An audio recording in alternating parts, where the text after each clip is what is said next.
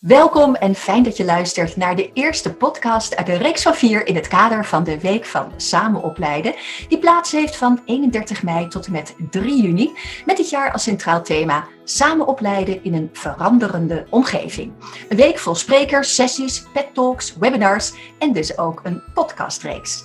Mijn naam is Marceline Schopman en deze week spreek ik iedere dag met iemand uit het opleidingsonderwijs over de kansen, uitdagingen en beoogde successen van de veranderende omgeving bij dat samen opleiden. En vandaag is mijn gast student Nick Minnaar, leraar in opleiding bij het Koning Willem I College en de MBO-opleidingsschool Sertogenbos.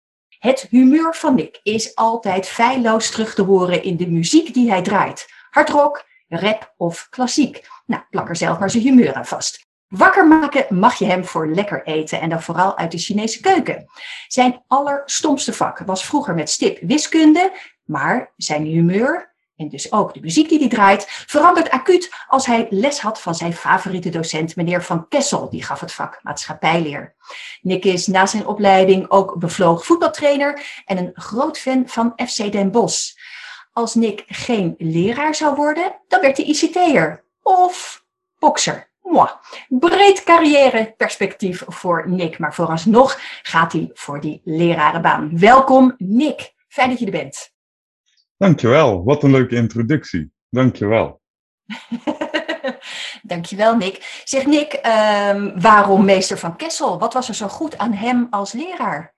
Nou, dat is eigenlijk wel een leuke vraag. Ik heb daar nooit zo bij stilgestaan toen ik zelf nog een student was. Maar sinds ik zelf de lerarenopleiding ben gaan doen, dan ga je toch altijd een beetje terug in de tijd denken en een beetje denken aan alle docenten die je tot nu toe hebt gehad. En ik kwam eigenlijk altijd weer een beetje terug bij, bij deze docent, meneer Van Kessel. Want uh, hij had altijd een bepaalde manier van, van omgang met zijn studenten, waardoor ik eigenlijk altijd, altijd enthousiast was om in zijn les te zitten. En, en daardoor is deze docent mij altijd bijgebleven. Eén van velen wel. Is hij mede ook de reden geweest dat je hebt gekozen voor het docentschap? Ik denk het wel. Ik denk, uh, het is niet zo dat ik toen ik nog daar op de middelbare school zat al zoiets had van ik word docent. Als je me dat op dat punt had gevraagd van hey Nick, wil jij docent worden? Dan had ik gezegd ben je helemaal gek. Maar uiteindelijk, toen ik dus het docentschap inging, toen ging ik daar wel in met het idee ik wil een docent worden zoals deze docent. En hij was dus echt een soort rolmodel voor hoe ik als docent wil zijn. Hoe wil jij dan als docent zijn? Ik wil een docent zijn die uh, mijn studenten kan inspireren. En uh, dat is een heel breed begrip, inspireren. Maar inspireren kan met de, met de kleinste dingetjes. Je kan een, een klein lesonderwerp van burgerschap pakken en daarbij een specifieke uh, student een idee in zijn hoofd planten van hé, hey, dit vind ik interessant, hier wil ik iets in gaan leren. En uiteindelijk zie je dan dat aan het eind van de les de studenten die zich geïnspireerd voelen, eigenlijk altijd met een lach op hun gezicht mijn lokaal uh, weer uitgaan. En ik heb bij mezelf gemerkt dat ik dat echt een van de leukste dingen vind aan het docentschap, waardoor ik ook echt elke les weer gemotiveerd ben om weer een tandje extra te geven, om nog meer studenten die brede glimlach te geven voor ze mijn uh, lokaal weer verlaten. Staat dat dan ook in het opleidingsprogramma uh, beroepstaken, rollen van de leraar? Uh, hè, dat je moet zorgen dat je studenten en jijzelf met een lach het lokaal verlaten? Of zijn er andere zaken die heel veel nadruk krijgen in dat beroep van de leraar? Um, er staat in het beroepsbeeld niet specifiek een docent moet de leerling een, een lach op zijn gezicht kunnen toveren.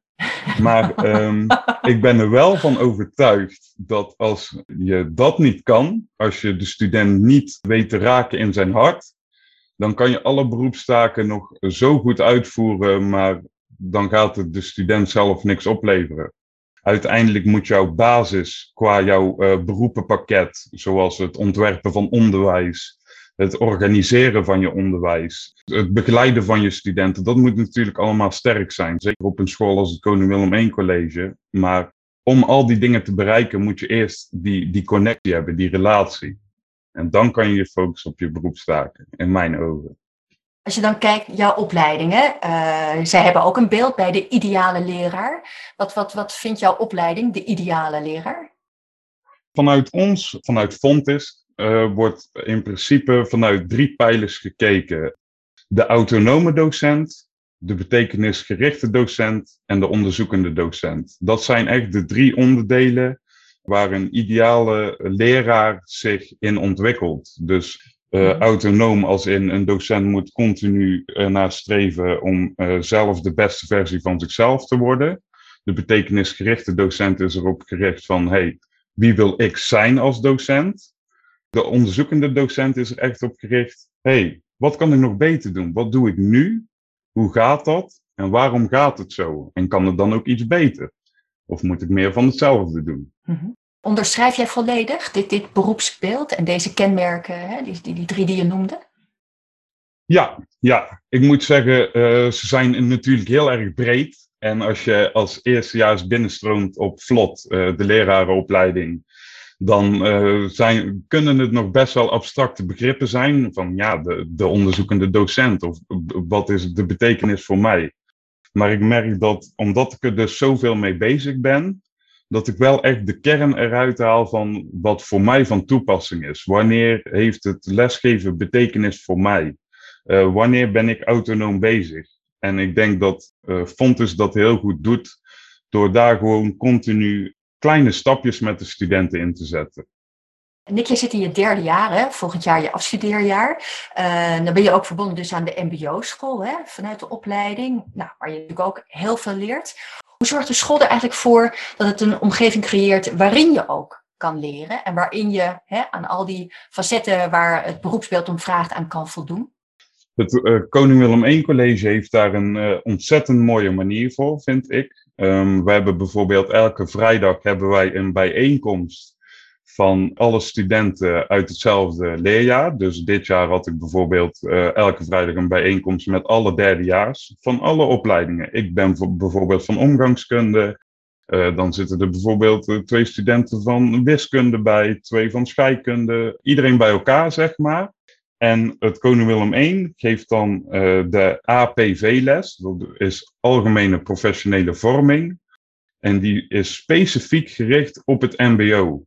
Dus zij zijn echt specifiek bezig met het opleiden van MBO-docenten. En je merkt dat gewoon terug in de manier waarop de lessen verzorgd worden, de gastcolleges die we krijgen, de studenten die iets komen vertellen. Dat zijn allemaal mensen die echt een MBO-hart hebben. En ik merk dat als je in, in die omgeving zit en als je daar van verschillende mensen verschillende dingen proeft, dat je dan echt echt bezig kan zijn met het professionaliseren van, van je eigen handelen. Dit, dit congres en ook deze podcast gaan allemaal over die veranderende omgevingen. Uh, als jij nu aan Koning Willem I College nog een mooie verandering zou mogen meegeven, waarvan je zegt van, oh, als we dat nog zouden doen voor, hè, zoals jij, een student in opleiding om leraar te worden, als ze dat nog zouden toevoegen, nou, dan uh, is het echt helemaal top. Oeh, dat is een hele goede vraag. Ik, ben, uh, ik denk dat het wel duidelijk is geworden dat ik zelf al heel erg gecharmeerd ben van het Koning Willem I College. maar ik denk dat, uh, omdat ik dus die intervisie zo belangrijk vind, het, het uh, in gesprek zijn met mijn medestudenten, die allemaal op zichzelf, op zijn eigen plek, verschillende dingen ervaren, dat we daar misschien nog iets meer op kunnen zetten. Dus bijvoorbeeld een, uh, een uitwisselingsles bijvoorbeeld. Dat ik vanuit uh, de afdeling funderend beroepsonderwijs, waar ik stage liep, niveau 1, een keer mee ga kijken bij een docent scheikunde op een niveau 4 opleiding van een andere opleiding, een andere afdeling. Ik denk dat als je die dingen combineert met dus de uh, APV-lessen in de ochtend, dat je dan een hele sterke koppeling hebt tussen theorie en praktijk. En het leren van elkaar vooral.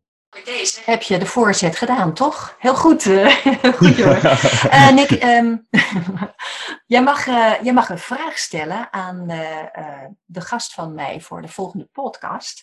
En dat is de instituutsopleider Joris van Hamersveld.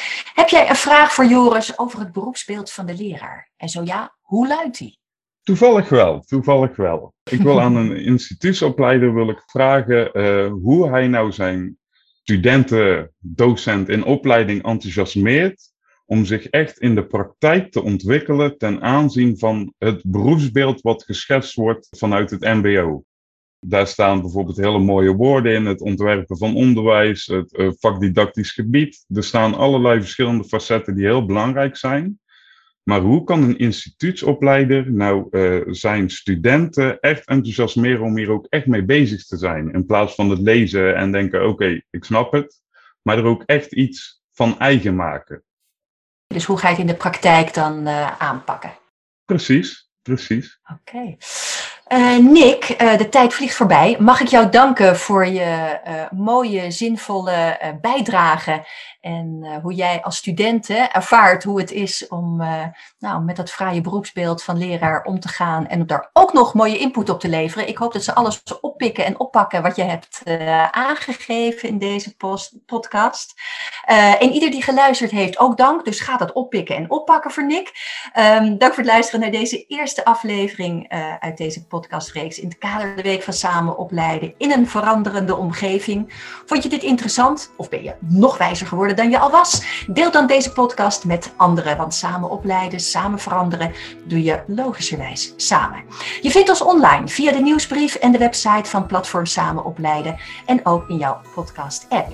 Heel graag tot morgen bij podcast-interview met instituutsopleider Joris van Hamersveld en of tot ziens tijdens het congres op 2 juni vanuit Theater Gooiland via de livestream. Dag!